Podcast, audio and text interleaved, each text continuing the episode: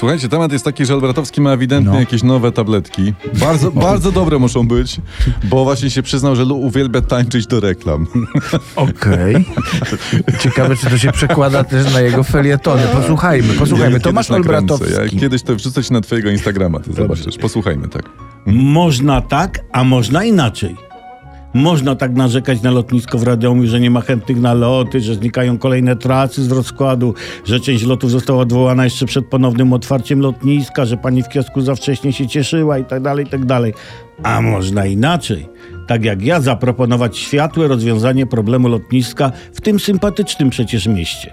Można zatrudnić na lotnisku w Radomiu zawodowych pasażerów, prawda? Dostawaliby miesięcznie, a także 10 tysięcy na rękę, prawda? I mieliby obowiązkowo odbywać podróż samolotem z Radomia gdzieś i z powrotem. Genialna fucha dla rodzin i znajomych polityków. Znacznie zwiększyłoby ruch e, w omawianym porcie lotniczym.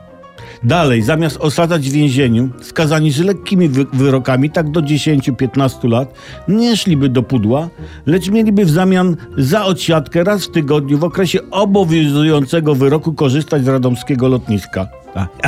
I najlepsze, najlepsze moim zdaniem, kierowcy już, już o co chodzi. Kierowcy, którzy chcą zmniejszyć sobie liczbę punktów karnych, mogliby to zrobić latając do i z Radomia, gdzieś, nie?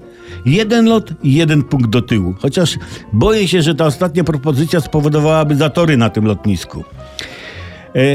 E, linie lotnicze nie mogłyby nastarczyć maszyn. A spójrzmy jeszcze bardziej optymistycznie na sprawę radomskiego terminalu. Da się. Lotnisko jest bardzo poważnym kandydatem na statuetkę od ekologów za najbardziej zielone lotnisko świata w kategorii najmniejszy ślad węglowy. A, widzicie, można narzekać, ale lepiej jest patrzeć na sprawę pozytywnie, szukając skutecznych rozwiązań, jako i ja uczyniłem. Dziękujcie.